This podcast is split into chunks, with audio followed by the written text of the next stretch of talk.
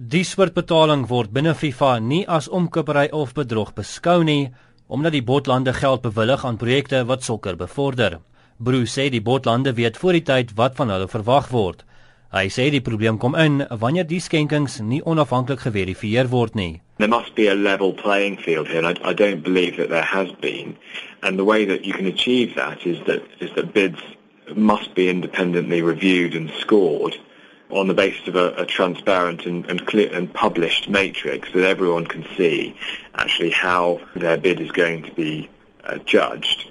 Um, and then for focus payments as part of that bid uh, in connection with sustainability and creating a legacy and supporting grassroots football, those sorts of payments I think are entirely legitimate provided they're focused and there must be a very clear a bid process. Bruce sê die betaling van die geld is geïmplementeer om te verseker dat botlande, indien hulle gekies word, by hul woord hou. So they're saying that this is what we would do if you select us. These are all the causes that we would support. And if you do select us, then we will implement that, that program. Uh, you then have a position where payments aren't being made um, prior to the selection process. And there can be a lot more integrity around the whole process. In gevolge FIFA se regulasies beteken dit nie dat lande wat die meeste geld betaal die bot sal wen nie. Host nations do not just receive credit for payments to potential projects, but it's also you know, do they have the infrastructure in place to be able to host the World Cup and all the other um, different elements that, that go to it and what, what will the fan experience be like, etc., etc.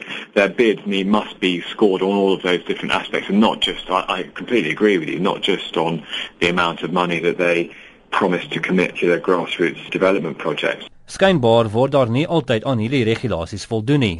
Bruce sê die feit dat die voormalige adjunkpresident van FIFA, Jack Warner en ander amptenare weens korrupsie ondersoek word, is bewyse dat die proses nie deursigtig is nie. Once they've been transferred, where is the complete audit trail of where the funds go? Are they um, applied for the correct purposes? And I don't believe that there's been an independent financial committee or body within FIFA that can actually hold its hand up and say, look, we've monitoring where these funds have gone. And certainly the case that the funding has been transferred.